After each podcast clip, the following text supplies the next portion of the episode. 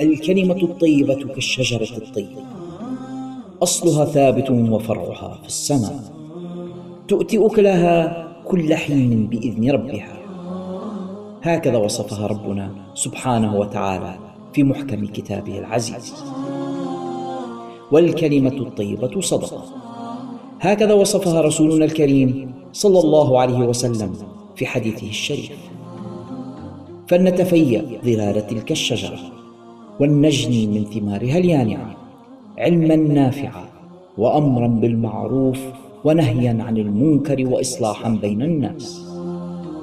في بودكاست الكلمة الطيبة مع فضيلة الشيخ عادل عبود يأتيكم من خارج الصندوق للإنتاج الإعلامي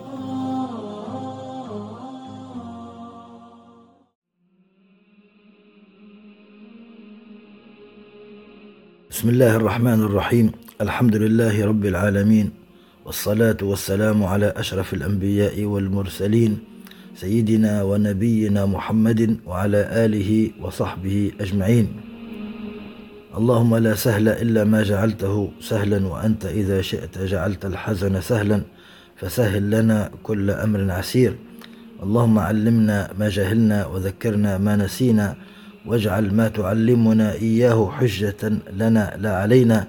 نعوذ بك يا مولانا من علم لا ينفع ومن دعاء لا يسمع ومن عمل لا يرفع ومن عين لا تدمع. ونعوذ بك من عضال الداء وخيبة الرجاء وزوال النعمة وفجأة النقمة.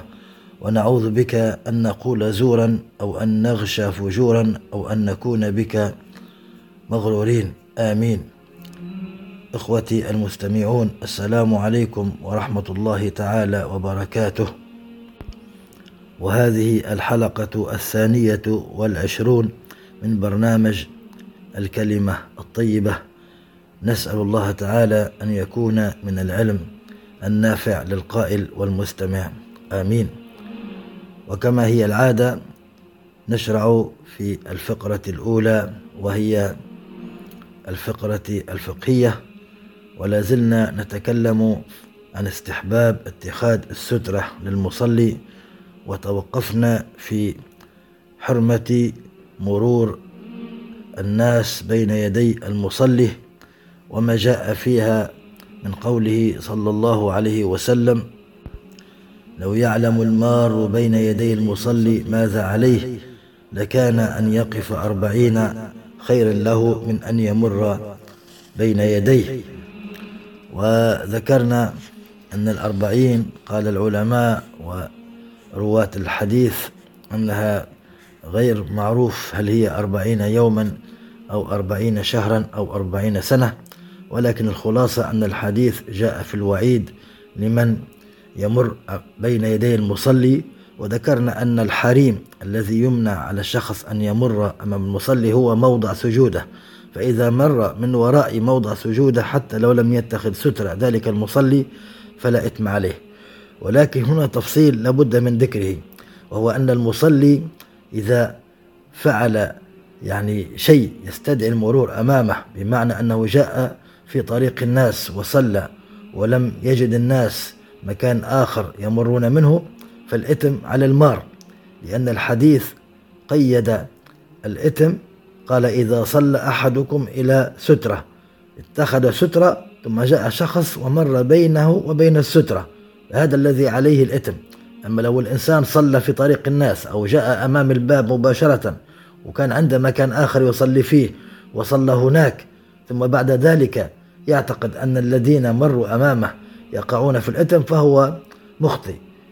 هو الآثم. وهم إذا كان عندهم طريق آخر يقعون أيضا في الإثم. وإن لم يكن إلا هذا الطريق فقط فالإثم يقع على المصلي لا على المار. يجب أن نفهم الأحكام الشرعية. يعني أحيانا يقع في الإثم المار والمصلي. إذا كان المصلي جاء وصلى في طريق الناس وكان يستطيع أن يصلي في مكان آخر أو ينزاح إلى مكان آخر خطوات مثلا بحيث يترك الباب للناس فهذا عليه الإثم. ثم ثم المار هل عنده مندوحة هل عنده مكان يمر منه أو ليس هناك مكان آخر إلا هذا فقط. إن كان هناك مكان آخر يمر منه وتعمد المرور أمام المصلي فعليه الإثم آخر. يقعان جميعا في الإثم. وهكذا الذي يعني فعل ما بوسعه وكان عنده لم يكن عنده طريق آخر فليس عليه الإثم يقع عليه الشخص الثاني فيجب أن نفهم هذا. كذلك ذكرنا أنه يجوز يعني المشي للمصلي متاع خطوة أو خطوتين بحيث يقترب إلى مكان فيه سترة حتى لا يقطع على الناس طريقهم. كذلك من الأشياء التي قد يعتقدها البعض أن الإمام لا يكون سترة للمأمومين بمعنى أنه إذا مر شخص بين الصفوف لكي مثلا يعني يدرك الجماعة أو لكي آه، يعني يسد فرجة في الصفوف أو رأى مكان ممكن يتسع لشخص وهكذا فمر بين الصفوف أثناء الصلاة. يعتقد أن هذا حرام وأنه قد قطع الصفوف وهذا في الشريعة آه، ليس بحرام بل هو جائز كما جاء في الأحاديث لأن الإمام سترة للمأمومين فهو لم يمر يعني أمام بين الإمام وبين سترته ومر بين الصفوف فهذا قال الفقهاء لا شيء فيه وأخذوا هذا الكلام بالحديث الذي جاء في صحيح البخاري عن سيدنا ابن عباس رضي الله عنهما قال أقبلت راكبا على أتان. أتان هي أنت الحمار. وأنا يومئذ قد ناهزت الاحتلام. أي بلغت سن البلوغ. ورسول الله صلى الله عليه وسلم يصلي بالناس بمنى. فمررت بين يدي الصف. فنزلت. فأرسلت الأتان ترتع. بمعنى ترعى. ودخلت في الصف. فلم ينكر ذلك أحد.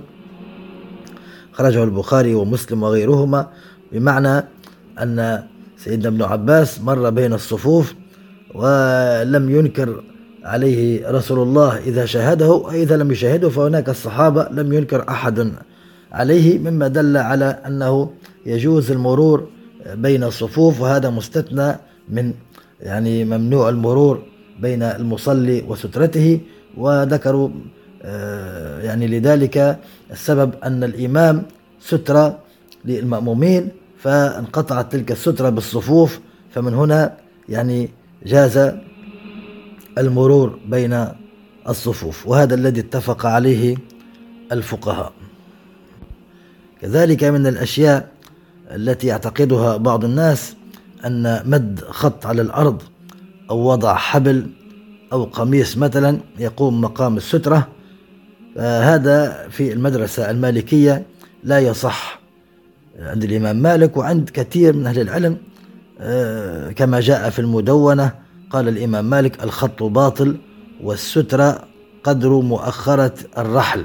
يعني بمعنى العمود الذي خلف الراكب. هذا العمود في غلظ الرمح وفي طول هكذا يعني أشبار. فهذه السترة التي اتخذها النبي صلى الله عليه وسلم. أما تضع الإنسان يضع حبل أو صوت مثلا آه، فهو مكروه ولا تعد سترة. وهذا أيضا قول الإمام الشافعي وقول الإمام أبي حنيفة والليث بن سعد وجمهور العلماء يرون أن السترة لها مواصفات معينة كالتي يعني فعلها النبي صلى الله عليه وسلم. هناك رواية عن الإمام أحمد أنه يجوز ذلك أن إنسان إذا لم يجد سترة فيجعل خط أمامه هكذا يجعل خط على التراب مثلا أو يضع حبل آه، فتقوم مقام السترة. واستدلوا بحديث يروى عن النبي صلى الله عليه وسلم أنه قال إذا صلى أحدكم فليجعل تلقاء وجهه شيئا فإن لم يجد فلينصب عصا فإن لم يكن فليخط خطا ثم لا يضره من مر بين يديه. طبعا هذا الحديث ضعفه أئمة الحديث الحديث مضطرب وكلمة مضطرب في عرف المصطلح يعني لها معنى وهي أنه يروى بأشكال عدة الآن لسنا بصدد هذا ولكن من أقسام الحديث الضعيف الذي لا يحتج به الحديث المضطرب. فلهذا الحديث آه، يعتبر مضطرب وضعيف وذكروا أئمة الحديث آه، ذلك يعني منهم آه، الدار قطني وغيره. ولهذا الإمام مالك والإمام الشافعي يعني لم يأخذوا بهذا الحديث وابن الجوزي والطحاوي كلهم قد ضعفوه والإمام الدار قطني آه، صوب وقفه بمعنى أنه منسوب إلى سيدنا أبي هريرة وليس إلى النبي صلى الله عليه وسلم والإمام أحمد يرى أنه آه، حديث هذا صحيح. طبعا الاختلاف العلماء في تصحيح الأحاديث هذه مسألة مشهورة ولكن الذي عليه الجمهور والأكثر والأغلبية أنه حديث ضعيف وأن السترة لا تكون إلا بشكل غلظ رمح وهكذا بحيث أن وطول أشبار كما كانت العنزة العنزة بمعنى الرمح الصغير التي كانت يصلي عليها النبي صلى الله عليه وسلم بغلظ رمح وطول ذراع فلا يكفي أقل من ذلك. ويشترط في السترة أيضا أن تكون طاهرة. الإنسان ما يتخذش شيء نجس ويجعله سترة. كذلك يكون ثابت. يكونش يعني مشوش آه، متحرك مثلا يجعل دابة وهكذا يخشى أن تذهب تلك الدابة مثلا فيتخذها سترة وهو متعلق قلبه بعدم ذهابها فهذا يشوش عليه في صلاته. كذلك المرأة يعني لا تتخذ سترة خاصة إذا كانت يخشى منها الفتنة آه، وغير من غير المحارم. أما الرجل فيجوز أن تتخذ ظهر أخيك سترة جالس ويعني أنت تصلي إلى ظهري وتتخذه سترة فهذا لا بأس به. ثم يتكلم الفقهاء عن مبحث آخر في الأخطاء المتعلقة باللباس في الصلاة.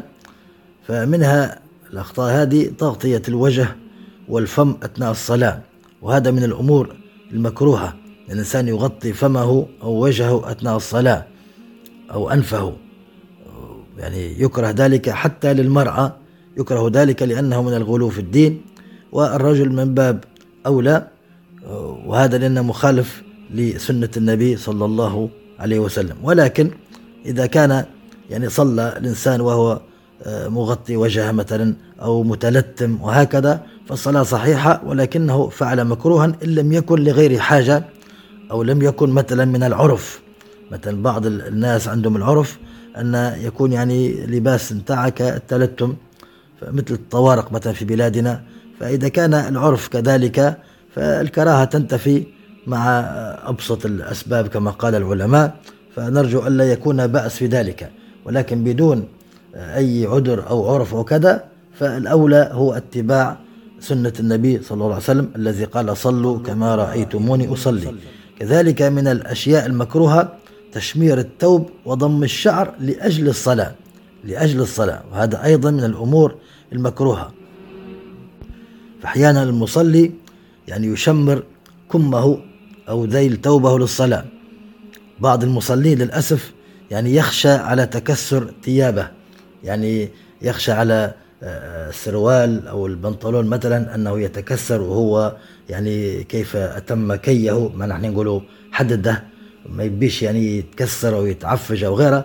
فمن أجل هذا يعني حتى بعض الناس للأسف لا يقيم صلبة من الركوع وكذا. كل هذا خوفا على تكسر الثياب. كذلك تشمير الثوب عن الساق كل ذلك مكروه.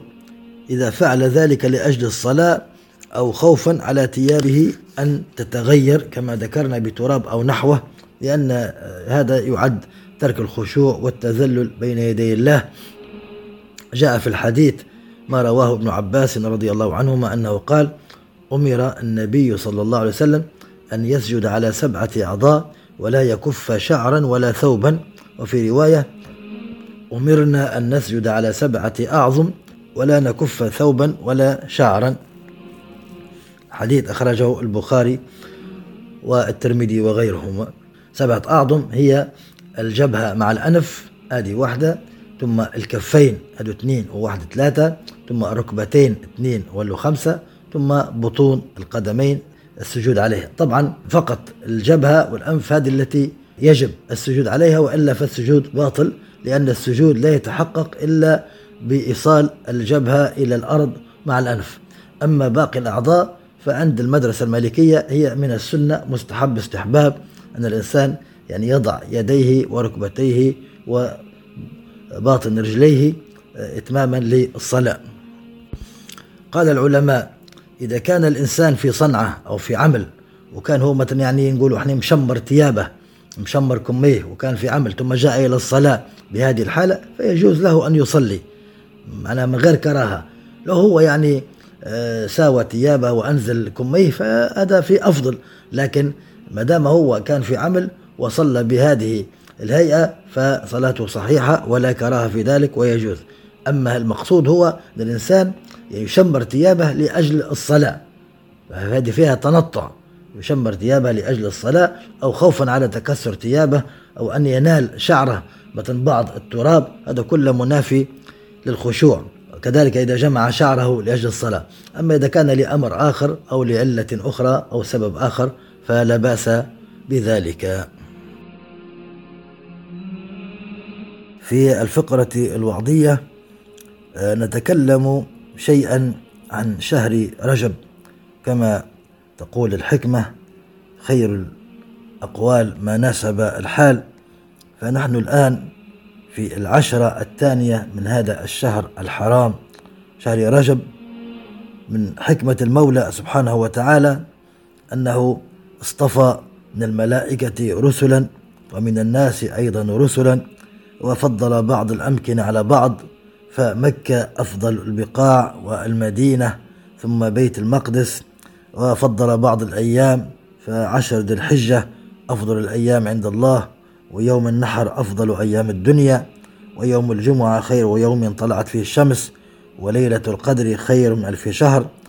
كذلك آه، كما جاء في القرآن أن عدد الشهور عند الله 12 شهرا منها أربعة جعلها المولى هذه الأربعة أشهرا حرما وعظم حرماتهن وجعل الذنب فيهن أعظم والعمل الصالح والأجر أكرم. قال تعالى إن عدة الشهور عند الله اثنا عشر شهرا في كتاب الله يوم خلق السماوات والأرض منها أربعة حرم ذلك الدين القيم فلا تظلموا فيهن أنفسكم. وهذه الأربعة الحرم بينها النبي صلى الله عليه وسلم في حجة الوداع فقال إن الزمان قد استدار كهيئته يوم خلق الله السماوات والأرض السنة اثنا عشر شهرا منها أربعة حرم ثلاثة متواليات ذو القعدة وذو الحجة والمحرم. ورجب وهو شهر مضر الذي بين جمادى وشعبان. حديث متفق عليه. فهذه الأشهر نبه الله سبحانه وتعالى على عظمتها بحيث أن الإنسان يغتنم هذه الأوقات في الاستزادة من الطاعات والقربات جاء في الحديث الصحيح عنه صلى الله عليه وسلم لما سأله رجل عن صيام التطوع قال له صم من الحرم واترك صم من الحرم واترك صم من الحرم واترك. ثلاث مرات قالها له صلى الله عليه وسلم بمعنى أنه يكفيك صيام الأشهر الحرم لما فيها من العظمة سواء في أي عبادة من الصيام والصلاة والصدقة وهكذا. أيضا جاء في الحديث إن لله في أيام دهركم نفحات ألا فتعرضوا لها. الإنسان يتعرض لهذه النفحات وهذه الهبات وهذه العطايا من المولى الكريم أكرم الأكرمين. كذلك من تعظيم الله عز وجل أن يعظم هذه الأشهر الحرم. فينتهي عن انتهاك حرمتها. قال تعالى يا أيها الذين آمنوا لا تحلوا شعائر الله ولا الشهر الحرام. فجاء النهي عن الظلم. مع أن الظلم محرم في جميع الأوقات. والظلم طبعا أنواع. هناك الظلم الأشد وهو الشرك بالله والعياذ بالله وهناك ظلم العباد وهناك ظلم النفس وهو المعاصي والذنوب والسيئات. فالظلم يعني محرم في جميع الأوقات ولكن يعظم تعظيمه وحرمته في هذه الأشهر بنص القرآن. فلا تظلموا فيهن أنفسكم. فالإنسان يجب عليه أن يستشعر حرمة هذه الأشهر. وأن يكف نفسه عن البهتان والظلم وأن يحاول أن يكتر من الأعمال الصالحة واغتنام هذه الأوقات المباركة وتعظيم هذه الأشهر من تقوى الله كما قال سبحانه ذلك ومن يعظم شعائر الله فإنها من تقوى القلوب. وإذا كان احترام هذه الأشهر كان أمرا ظاهرا متوارثا عند أهل الجاهلية يعبر عنه إمساكهم فيه عن سفك الدم الحرام والكف عن الأخذ بالتار مع ما هم عليه من شرور وآثام فبالله عليكم أفلا يكون جديرا بالمسلم الذي رضي بالله ربا وبالإسلام دينا وبسيدنا محمد رسولا ألا يجدر بنا جميعا أن نحجز أنفسنا عن الولوغ في الذنوب والإثم والعدوان ومزالق النزوات وخاصة وأكرر خاصة ظلم العباد لأنه الديوان الذي لا يترك يوم القيامة. هناك ديوان يغفر وديوان لا يغفر وديوان لا يترك. أما الديوان الذي يغفر فهو الذنوب التي بين العبد وبين ربه. فالمولى أكرم الأكرمين وهو الغفور الرحيم يغفرها بإذن الله تعالى. وهناك الديوان الذي لا يغفر وهو الشرك بالله اتخاذ إله مع الله. والديوان الذي لا يترك هو حقوق العباد. هكذا كما جاء في الحديث الشريف. فلهذا الإنسان يحرص على عدم ظلم الغير ويحرص على رد الحقوق إلى أربابها ولا تنفع النوافل التي يفعله الإنسان ولا حتى الفرائض أن تكفر عنه الذنب الذي لا يترك وهو ظلم العباد. حتى الحج قال العلماء يكفر الذنوب التي بين العبد وربه. أما حقوق العباد فلا بد من ردها. وهذا من تمام العدل الإلهي. فيجب علينا نفكر في هذا الأمر. بعض الناس من يأكل إرث أخواته بعض الناس من يظلم جاره بعض الناس من يعتدي على حقوق غيره وهكذا. ثم يعتقد أنه بذهابه إلى العمرة أو الحج أو بقيام الليل أو غير أنه قد كفر تلك الذنوب فهذا على وهم وعلى شفا جرف نهار فانهار به في نار جهنم. يرجع إلى العلماء العاملين يرجع إلى كل شيء واضح. هو نفسه لو تسأله تقول له لو إنسان ظلمه واغتصب أرضه أو أكل حقه أو ظلمه أو اعتدى عليه أو سبه أو شتمه أو وقع في أرضه تقول له هذاك الإنسان يصلي النوافل ويصلي الخمس في الأوقات خلاص يعني يقول لك مش راضي يعني. أنت هو نفس الشخص يقول أنا مش راضي. لابد أن نسامحه لابد يعتذر مني لابد يرد لي حقي. فإذا نفس الشيء كما تحب أن تعامل الناس عامل الناس بما تحب أن يعاملوك به. هذا تمام العدل الإلهي. ف يعني نصيحة لنفسي ولإخواني أن نغتنم هذا الشهر المبارك في الإكتار من فعل الطاعات من الصالحات آه، صلاة آه، صوم ذكر تلاوة القرآن والأولى والأوجب كما ذكرت هو عدم التعرض لحقوق العباد ورد المظالم إلى أهلها. وبالنسبة لشهر رجب له أسماء عديدة. منها أنه شهر الله الأصم لأن الحروب لا تقع فيه فلا يسمع فيه للسلاح قعقعة. كذلك يسمى شهر الله الأصب لأن الرحمة تصب فيه صبا. كذلك من أسمائه رجب الفرد لأن الأشهر الحرم أربعة ثلاث متواليات كما ذكرنا وواحد فرد هو رجب. وقيل اشتقاقه من الترجيب وهو التعظيم. وروي عن أبي قلابة رضي الله عنه قال قال رسول الله صلى الله عليه وسلم إن في الجنة قصر لصوام رجب. خرجه الإمام البيهقي في شعب الإيمان. طبعا أبو قلابة من كبار التابعين وهذا حديث يسمى مرسل ولكنه لا يقوله من عنده فالأرجح أنه يرويه عن بعض الصحابة. وجاء في فضله أيضا كثيرا عن السلف منها أن سيدنا علي كان يفرغ نفسه للعبادة في ليالي من السنة منها أول رجب وليلة الفطر وليلة الأضحى وهكذا. فعلى كل حتى لو كانت هذه الأحاديث مثلا قد يقول قائل أنها ضعيفة أو غيرة ولكن فيها الحديث الصحيح وهو صم من الحرم واترك وأيضا يكفي فيها قوله تعالى فلا تظلموا فيهن أنفسكم بمعنى أن الإنسان يعظم هذه الأشهر وهذا من تقوى القلوب وهذا من تعداد لرمضان وأيضا فيها من تعظيم شعائر الله حتى أن العلماء قالوا رجب شهر الزرع وشعبان شهر السقي ورمضان شهر الحصاد. وقالوا أيضا رجب لترك الآفات وشعبان لاستعمال الطاعات ورمضان لانتظار الكرامات. كان السلف الصالح يدعون الله ستة أشهر أن يبلغهم رمضان. ثم بعد انتهاء رمضان يدعون الله ستة أشهر الباقية أن يتقبل منهم رمضان فتعظيم الشعائر والمواسم واحترامها وهذه هوية الأمة. وأيضا كيف نعرف أبناءنا؟ قال تعالى وذكرهم بأيام الله لابد الإنسان يعلم الأطفال وغيره يعرفوا على الأقل السيرة. للأسف تسأل طفل تجده يحفظ أسماء لاعبين كفار أجانب وغيره ولما تسأله عن أحداث في السيرة لا يعلم عنها شيئا. لما يكون يعني الاهتمام بها وتعظيمها في البيت والتحدث عنها وهكذا رجب شعبان رمضان المولد النبوي الشريف وهكذا هذه الأيام المباركات شهر ذي الحجة عيد الأضحى ليلة الإسراء والمعراج. فيتحصل الطفل طريقة غير مباشرة على معلومات من السيرة العطرة على صاحبها أفضل الصلاة وأزكى التحية. إتماما لما نقوله في أشياء التي تهم الأسرة. تكلمنا في الدرس الماضي في حقوق الأبناء وأساليب التربية النبوية وغير ذلك. فإتماما لهذا الكلام نتكلم عن الموضوع المقابل لهذا وهو آه، بر الوالدين. كما أنه يجب على الوالدين سواء الأب أو الأم يجب عليهم أشياء في تربية أبنائهم ذكورا وإناثا. وكيف أنهم يجب عليهم العدل ويجب عليهم مساواة والرحمة والعطف والتنشئة والمراقبة والأشياء التي ذكرناها كذلك يجب على الأبناء واجبات تجاه والديهم ونجد أن القرآن ذكر وحرص أكثر على هذا الأمر وهو واجبات الأبناء تجاه الوالدين وهو بر الوالدين وعدم عقوقهما لماذا؟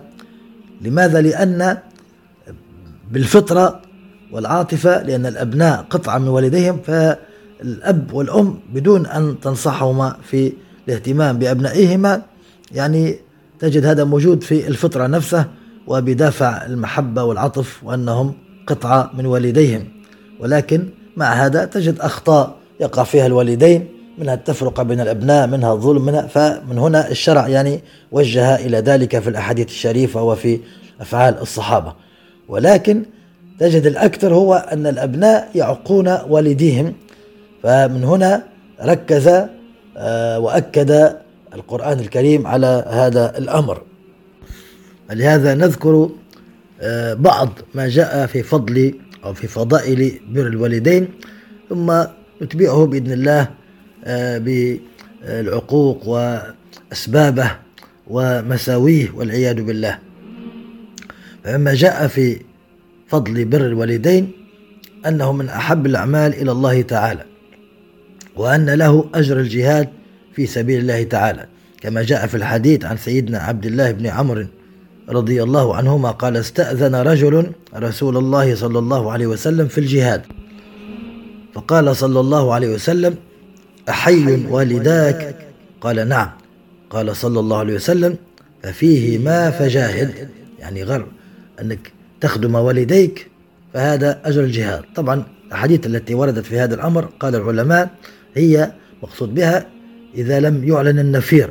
إذا هاجم العدو البلاد فهنا الإنسان عليه أصبح فرض عين على كل من يقدر على حمل السلاح وأن أن يقوم ويجاهد. أما هناك الجهاد فرض الكفاية والذي يعني تبليغ الدعوة و يعني لأن تكون كلمة الله هي العليا فهذا فرض كفاية فهذا مشروط بموافقة الوالدين. وفي رواية قال نعم وتركتهما يبكيان. لما استشار والديه ف يعني كأنهم يعني بكوا لفراقه فقال صلى الله عليه وسلم اذهب فأضحكهما كما أبكيتهما. وفي رواية أخرى نومك مع أبويك على فراشهما يضاحكانك ويلاعبانك أفضل لك من الجهاد معي ذكره ابن خويز من داد فلهذا إبكاء الوالدين وإحزانهما من العقوق.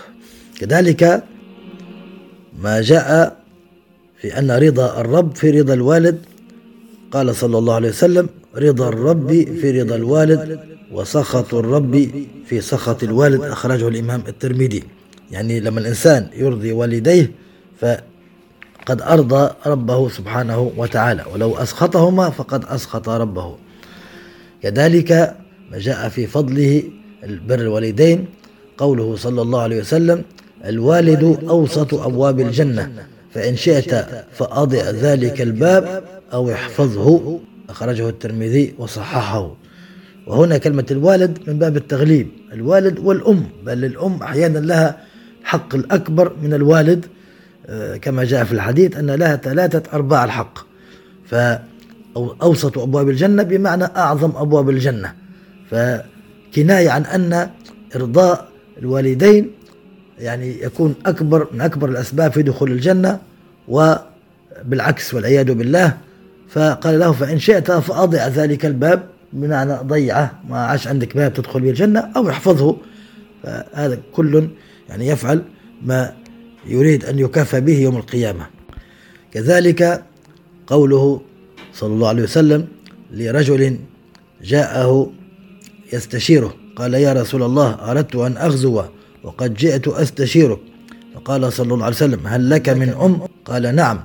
قال فالزمها فإن الجنة عند رجلها. خرجه النسائي وغيره بإسناد جيد. إلزم رجلها يعني كمال الطاعة وكمال البر فإن الجنة عند رجلها.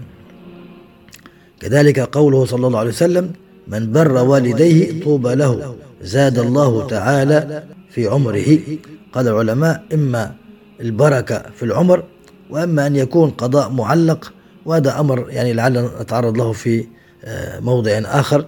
فالمقصود هو أن رضا الله تعالى آه، في بر الوالدين. أيضا حديث لا يرد القضاء إلا الدعاء ولا يزيد في العمر إلا البر. ومن سره أن يمد له في عمره وأن يزاد له في رزقه فليبر والديه وليصل رحمه صلى الله عليه وسلم. قوله. كذلك قوله صلى الله عليه وسلم بروا آباءكم تبركم أبناؤكم. وعن ابن عمر رضي الله عنهما قال قال رسول الله صلى الله عليه وسلم بروا آباءكم تبركم أبناؤكم وعفوا تعف نساؤكم. ف يعني نتيجة البر والعقوق في الدنيا قبل الآخرة. فلو كان الإنسان بر أبويه تبره أبنائه وهو أيضا العفاف كذلك. من عف عن نساء الغير فبإذن الله رب العزة يحفظ له نساءه أن يعني يفعلن المعصية. فالبر لا يبلى والذنب لا ينسى كما تدين تدان. كذلك جاء في الحديث أنه لما قدم سيدنا أبو موسى الأشعري وأبو عامر على رسول الله صلى الله عليه وسلم فبايعوه وأسلموا قال ما فعلت امرأة منكم تدعى كذا وكذا؟ قالوا تركناها في أهلها. قال فإنه قد غفر لها. هي أسلمت ولكن لم تأتي إلى النبي صلى الله عليه وسلم. قالوا بما يا رسول الله؟ قال ببرها والدتها كانت لها أم عجوز كبيرة. فجاءهم النذير أن العدو يريد أن يغير عليكم. فجعلت تحملها على ظهرها. فإذا أعيت وضعتها. ثم ألزقت بطنها ببطن أمها. وجعلت رجليها تحت رجلي أمها. من الرمضاء يعني خشيت أن آه، تأتي رجلا أمها على الأرض وعلى تراب الصحراء فشديد الحرارة فتتحمل هي تجعل رجليها تحت رجلي أمها من شدة برها بأمها حتى وصلت إلى مكان آمن حتى نجت. فرب العزة غفر لها ذنوبها وأعلم رسوله ب يعني فعلها العظيم. وهذه من باب يعني التنبيه لنا والتعليم لنا. أخرجه الحديث هذا الإمام عبد الرزاق الصنعاني في المصنف. كذلك قصة شبيهة بها هي قصة سيد أويس بن عامر القرني وهو أيضا رجل من اليمن وكان أسلم في زمن النبي صلى الله عليه وسلم ولكنه لم يستطع أن يأتي إلى رسول الله ويعلن إسلامه بين يديه وينال شرف الصحبة كل هذا برا بأمه. كانت عنده أم كبيرة عجوز مريضة لم يستطع أن يتركها فبقي يخدمها فأعلم رب العزة أعلم نبيه صلى الله عليه وسلم به فقال عليه الصلاة والسلام إن خير التابعين رجل يقال له أويس. وأخبر سيدنا عمر وسيدنا علي بذلك وقال لهم إن أدركتماه أو جاء إليكما فاسألاه أن يستغفر لكما. انظر يعني سيدنا عمر وسيدنا علي. قال لهم يستغفر لكما هذا الرجل من شدة يعني صلاحه ومكانته عند الله. فجاء في خلافة سيدنا عمر رضي الله عنه سيدنا ويس جاء مع وفد اليمن الحجيج فاستطاع أن يصل إليه سيدنا عمر فطلب منه أن يدعو له ولسيدنا علي فتأبى في البداية ولكنه قال له أن هذا أمر من رسول الله فدعا لهما. كل هذا ببركة بره بأمه. سيدنا أويس القرني هذا سيد التابعين بنص الحديث رضي الله عنه وأرضاه. كذلك من فضائل بر الوالدين أنه سبب عظيم في إجابة الدعاء والخروج من المضايق والمهالك والكروب الشديدة. كما في حديث الغار مشهور حديث الغار في صحيح البخاري أن ثلاثة نفر كانوا في الصحراء ودخلوا إلى غار فانسد عليهم الغار. وكل واحد منهم ذكر عمل يعني يرجو أن يكون خالصا عند الله تعالى وتوسل إلى الله بذلك العمل أن يفرج عنهم. وكلما ذكر أحد قصته نزحت الصخرة شيئا حتى يعني أكملوا الثلاثة ثم نزحت الصخرة نهائيا وخرجوا يمشون كما في الحديث. فالشاهد أن واحد منهم كان شديد البر بوالديه أنه كان لما يذهب عند غنيمات يرعى فيأتي بالحليب فيعطي لوالديه هم الأول يشربون حتى العشاء يعني يرتوون ثم يعطي لأبنائه وزوجته ثم يشرب هو. ففي ليلة تأخر هو فجاء باللبن فوجد أبويه قد نام فلم يعطي لأحد مع أن أبنائه طلبوا أن يعطيهم ولكنه برا بوالديه لم يعطي أحدا وبقي ينتظر حتى الصباح لما استيقظ والديه أعطاهم يعني هم قبل كل أحد كل هذا من شدة بره بهما وتعظيما لهما. فرب العزة يعني قبل منهم هذا العمل وفرج عنهم وذكر لنا هذا الحديث النبي صلى الله عليه وسلم. وجاء في الحديث أيضا لن يجزي ولد والده حتى يجده مملوكا فيشتريه فيعتقه. أخرجه الإمام مسلم. يعني حالة واحدة فقط فيها جزاء الولد لوالده أن يكون والده مملوكا بمعنى آه، مملوك طبعا ما عادش موجود الآن في العصر الحاضر آه، العبد الذي يعني يملك ويشترى وغيره والرق المسألة هذه انتهت بفضل الإسلام لكن على فرض موجود كان والده مملوك ثم اشتراه فاعتقه فهنا يعني فقط في هذه الحالة يعني يكون قد كافأ والده. وإلا فلن يكافئه أبدا. جاء في الحديث أيضا من أصبح مرضيا لأبويه أصبح له بابان مفتوحان للجنة ومن أمسى فمثل ذلك وإن كان واحدا فواحدا وإن ظلم وإن ظلم وإن ظلم هذه العبارة الأخيرة يجب أن نقف عندها وهي قوله صلى الله عليه وسلم وإن ظلم يعني وإن ظلماك أبوك وأمك فيجب عليك أن تبرهما. رب العزة مع أن يعني أحيانا آه، يكون الأب أو الأم مشرك ويدعو ولده إلى الكفر والشرك. مع هذا كله رب العزة قال وإن جاهداك على أن تشرك بي ما ليس لك به علم فلا تطعهما وصاحبهما في الدنيا معروفا. هل هناك أعظم من الدعوة إلى الشرك والكفر بالله؟ ومع هذا رب العزة قال لا تطيعهما. لا طاعة لمخلوق في معصية الخالق. الأب أو الأم أحيانا يعني للأسف وهذا نشاهده لا يدعوان الولد إلى الشرك ولكن يدعوان كثيرا إلى الحرام. أحيانا الأم تختصم هي وأختها فتطلب من ابنها أن يقاطع خالته وهذا حرام. فلا طاعة لها. ولكن الحكمة آه، يعني ينبغي أن الإنسان يطاوعها ظاهريا ولكن لا يقطع خالته. لا يقطع عمه لا يقطع الرحم لأن هذه الرحم التي أمر بصلتها رب العزة. يعني هو إذا كان يفهم الأب أو الأم الذي أمرني ببرك يا أبي وببرك يا أمي هو الذي أمر بصلة الرحم. إذا طلبت مني أن أعصيه في صلة الرحم فسأعصيه أيضا في برك. للأسف يعني بدل ما الأم والأب يقولوا لأبنائهم حتى لو صارت مشكلة بين الأب وبين أخيه يقولوا آه، ما لكمش علاقة. خلوكم مع عمكم تمام. هذا عمكم. هكذا الأمور يعني. مش يطلب منهم أنهم يعني آه، يقطعوا عمهم أو يقطعوا خالتهم. كثير من الآباء والأمهات كثير من الناس يسألون عن هذا الأمر. يعني للأسف الشيطان كيف يتلاعب بنا؟ نشاهد قطيعة الرحم بشكل لا يوصف بين المسلمين والتي هي تزيد في العمر وتزيد في الرزق وفيها المغفرة وفيها الجنة. ومع هذا الشيطان لأسباب تافهة جدا يجعلنا نقطع أرحامنا. فإذا كان رب العزة مع أنهما يدعوان إلى الشرك ومع هذا سبحانه وتعالى أرحم الراحمين طلب من الولد أن يصاحب والديه بالمعروف مع طلبهما والعياذ بالله الشرك. فكيف بأمر آخر؟ فهنا يعني لابد من مصاحبة والديه بالمعروف حتى وإن ظلماك. يعني توقفنا عند هذه يعني العبارة. بعض الناس يقول يعني بوي آه، يظلم في أو أمي وهكذا شديد. فهذا لا يجوز في حقه لا يجوز له. الظلم رب العزة سبحانه وتعالى حرمه على نفسه مع أنه يستحيل في حقه الظلم. كل الخلق خلقه والملك ملكه.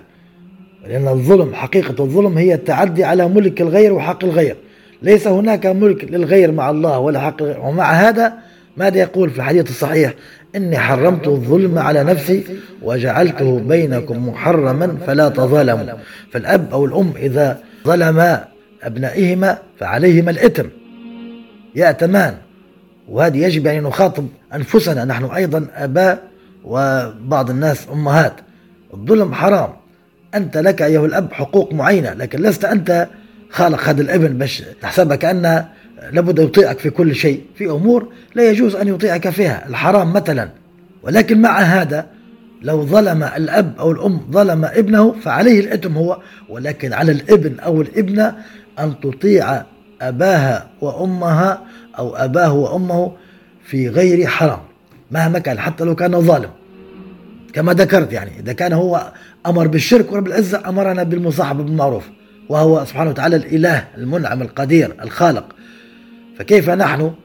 يجب علينا أن نطيع آباءنا وأمهاتنا ولو كانا ظالمين إلا في أمر فيه حرام. فهنا لا طاعة للمخلوق في معصية الخالق وكان في إمكانية كيف تستعمل المدارات والمسايرة ولكن تفعل أنت الصحيح فهذا أفضل بحيث يعني لا تدخل الحزن عليهما. قال الإمام الغزالي أكثر علماء على أن طاعة الوالدين واجبة في الشبهات. ولم تجب في الحرام المحض. حاجة فيها شبهة مثلا لو طلب الأب من أبي من ابنه أن يصلي في البيت بدل المسجد أو مثلا طعام فيه شبهة وحس أن رفضه لطلب والده أو والدته فيه يعني إدخال الحزن الشديد الذي هو العقوق فهنا يفعل ما يأمر به والده أو والدته لأن هنا أصبح أمامها أمران أمر فيه شبهة والعقوق وهو أمر محرم من الكبائر بالاتفاق لكن لو طلب منه أو طلبت منه أمه فعل حرام فهنا يقدم طاعة الله على طاعة المخلوق.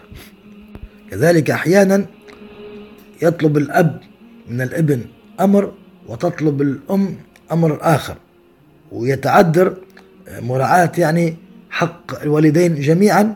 فهنا قال العلماء يترجح حق الأب فيما يرجع إلى التعظيم والاحترام ويترجح حق الأم فيما يرجع إلى الخدمة والإنعام. يعني حتى لو دخل عليه يقوم هو للأب لأن هذا تعظيم واحترام.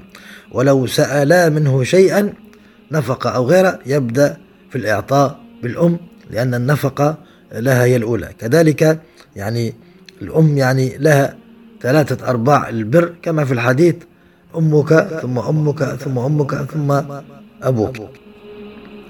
كذلك كما يقول العلماء أطع أباك ولا تعصي أمك.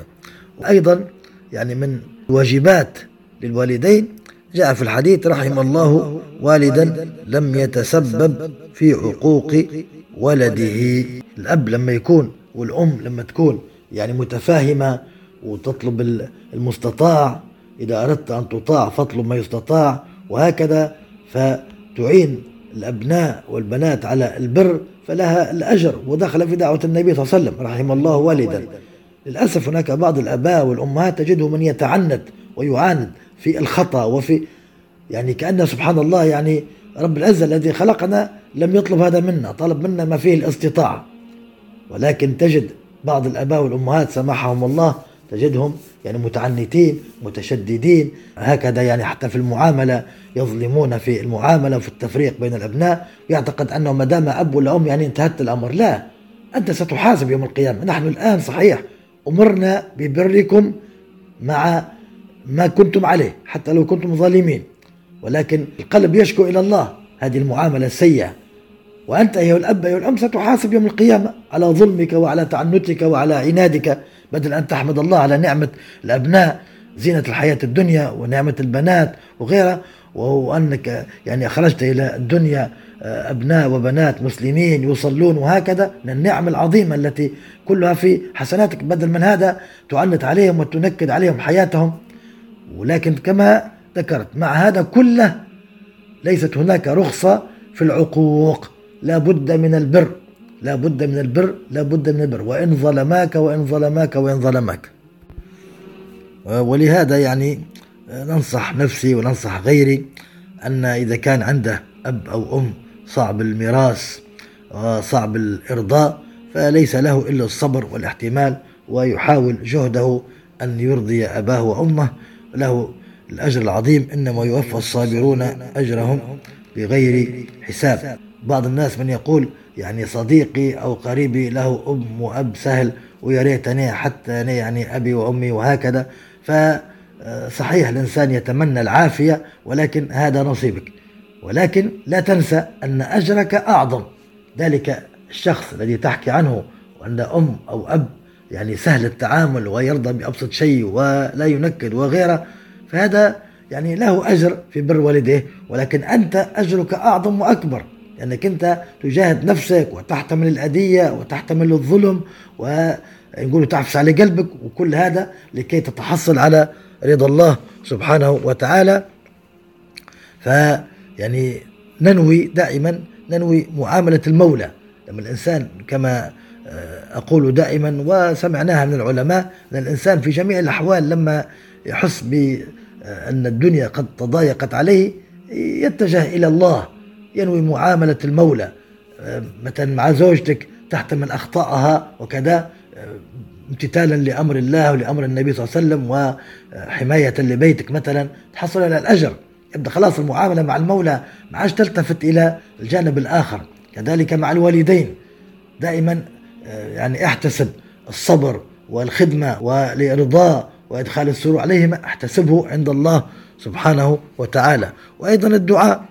دائما نحن غافلين عن الدعاء. ندعو الله أن يرزقنا خدمتهما بالمحبة ونتذكر حسنات. لكل إنسان له حسنات.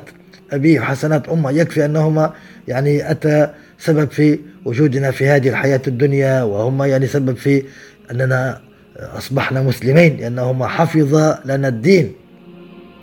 لو وجدنا في مكان آخر في بلاد الكفار لا كنا على دين غير دين الإسلام. أين الهمة التي لنا حتى نبحث عن الدين الحقيقي وأين لكن هذا على طول منذ أصبحنا وفتحنا عيوننا ووجدنا الإسلام ووجدنا تعظيم الإسلام وتعظيم الدين وهذه من النعم التي يجب أن نذكرها لوالدينا يعني.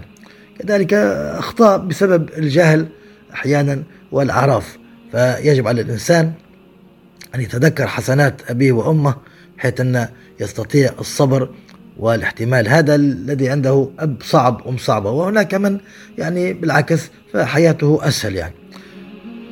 ويقال كما قال الصحابة ثلاث آيات نزلت مقرونة بثلاث لا يقبل الله واحدة منهن بغير قرينتها.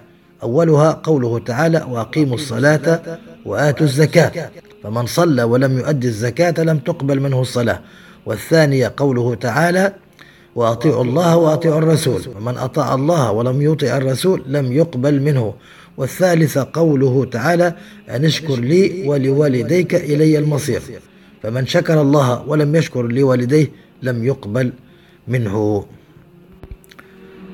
وشكر الوالدين هو الدعاء لهما. إذا كان سواء أحياء ولا أموات. دائما الإنسان يدعو لوالديه. هذا من تمام البر. قال العلماء يشكر لهما خمس مرات كل يوم.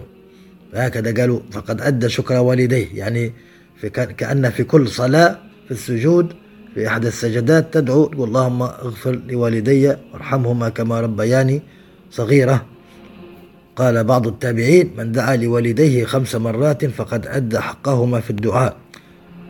أما قوله تعالى وصاحبهما في الدنيا معروفا قال العلماء معناها أن يطعمهما إذا جاعا ويكسوهما إذا عريا وإذا احتاج أحدهما إلى خدمته خدمه وإذا دعاه أجابه وحضره وإذا أمره بأمر أطاعه ما لم يكن معصية.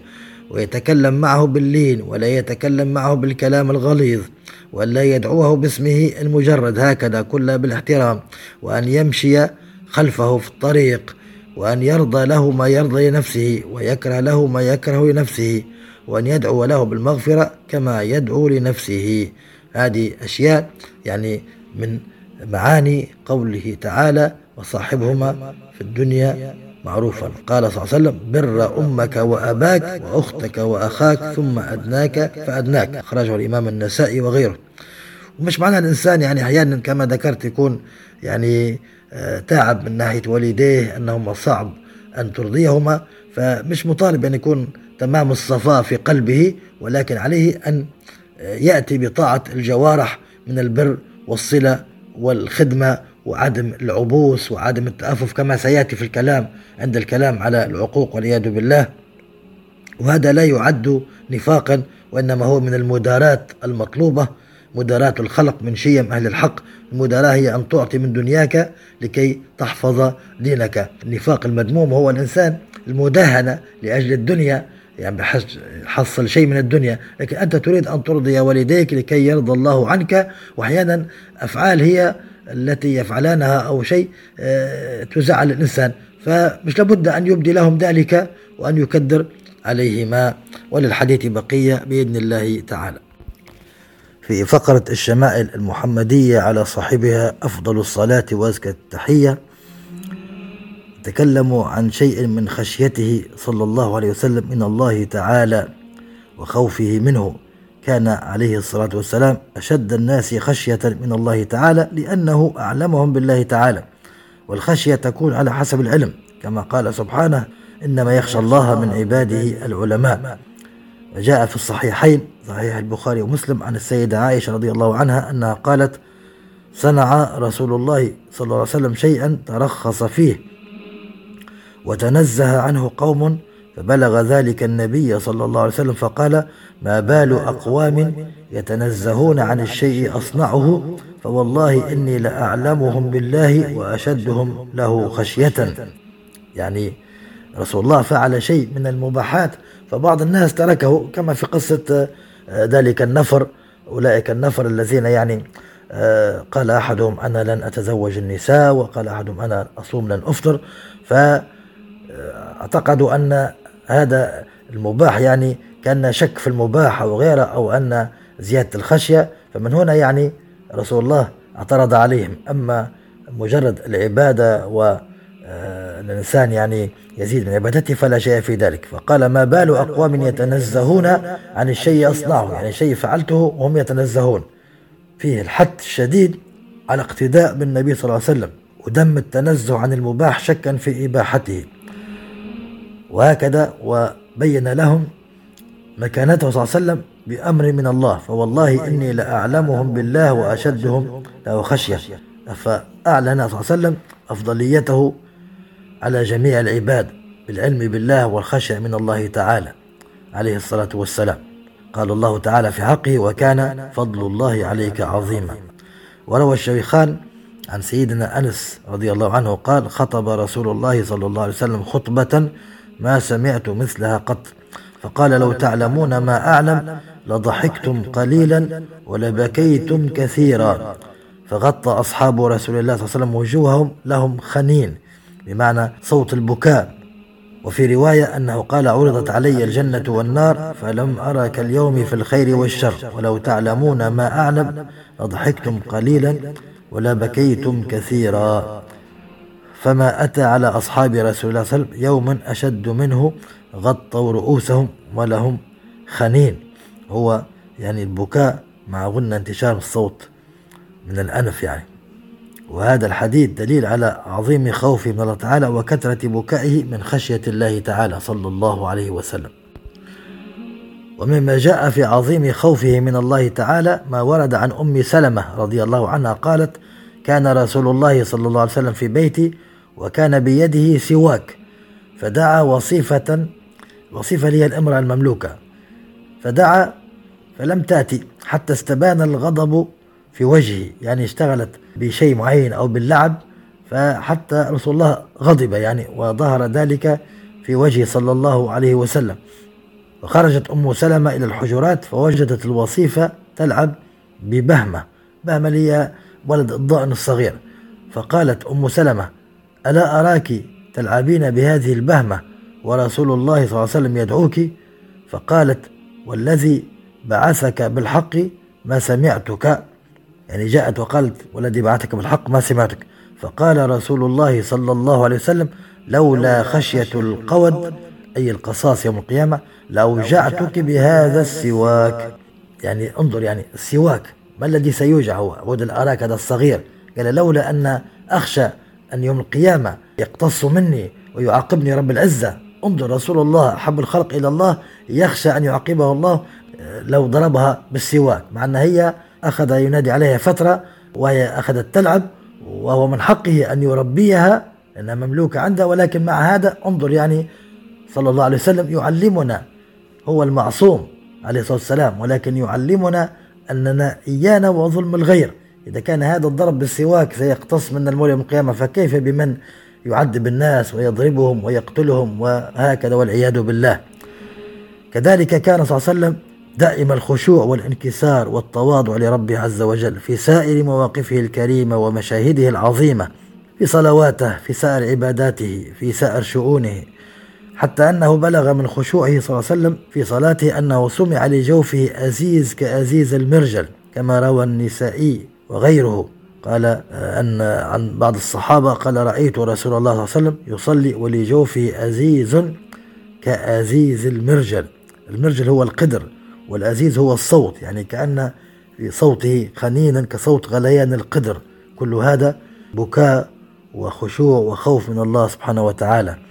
وفي رواية ابن خزيمة وكان لصدره صلى الله عليه وسلم أزيز الرحاء وهذا الخوف وهذه خشية كلها عبودية لله.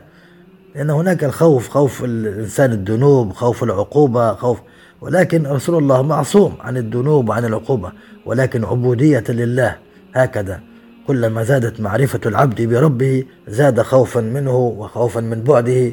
وهكذا يعلم نفسه عبد وأن الرب رب والعبد عبد. فمن هنا تأتي الخشية صلى الله عليه وسلم.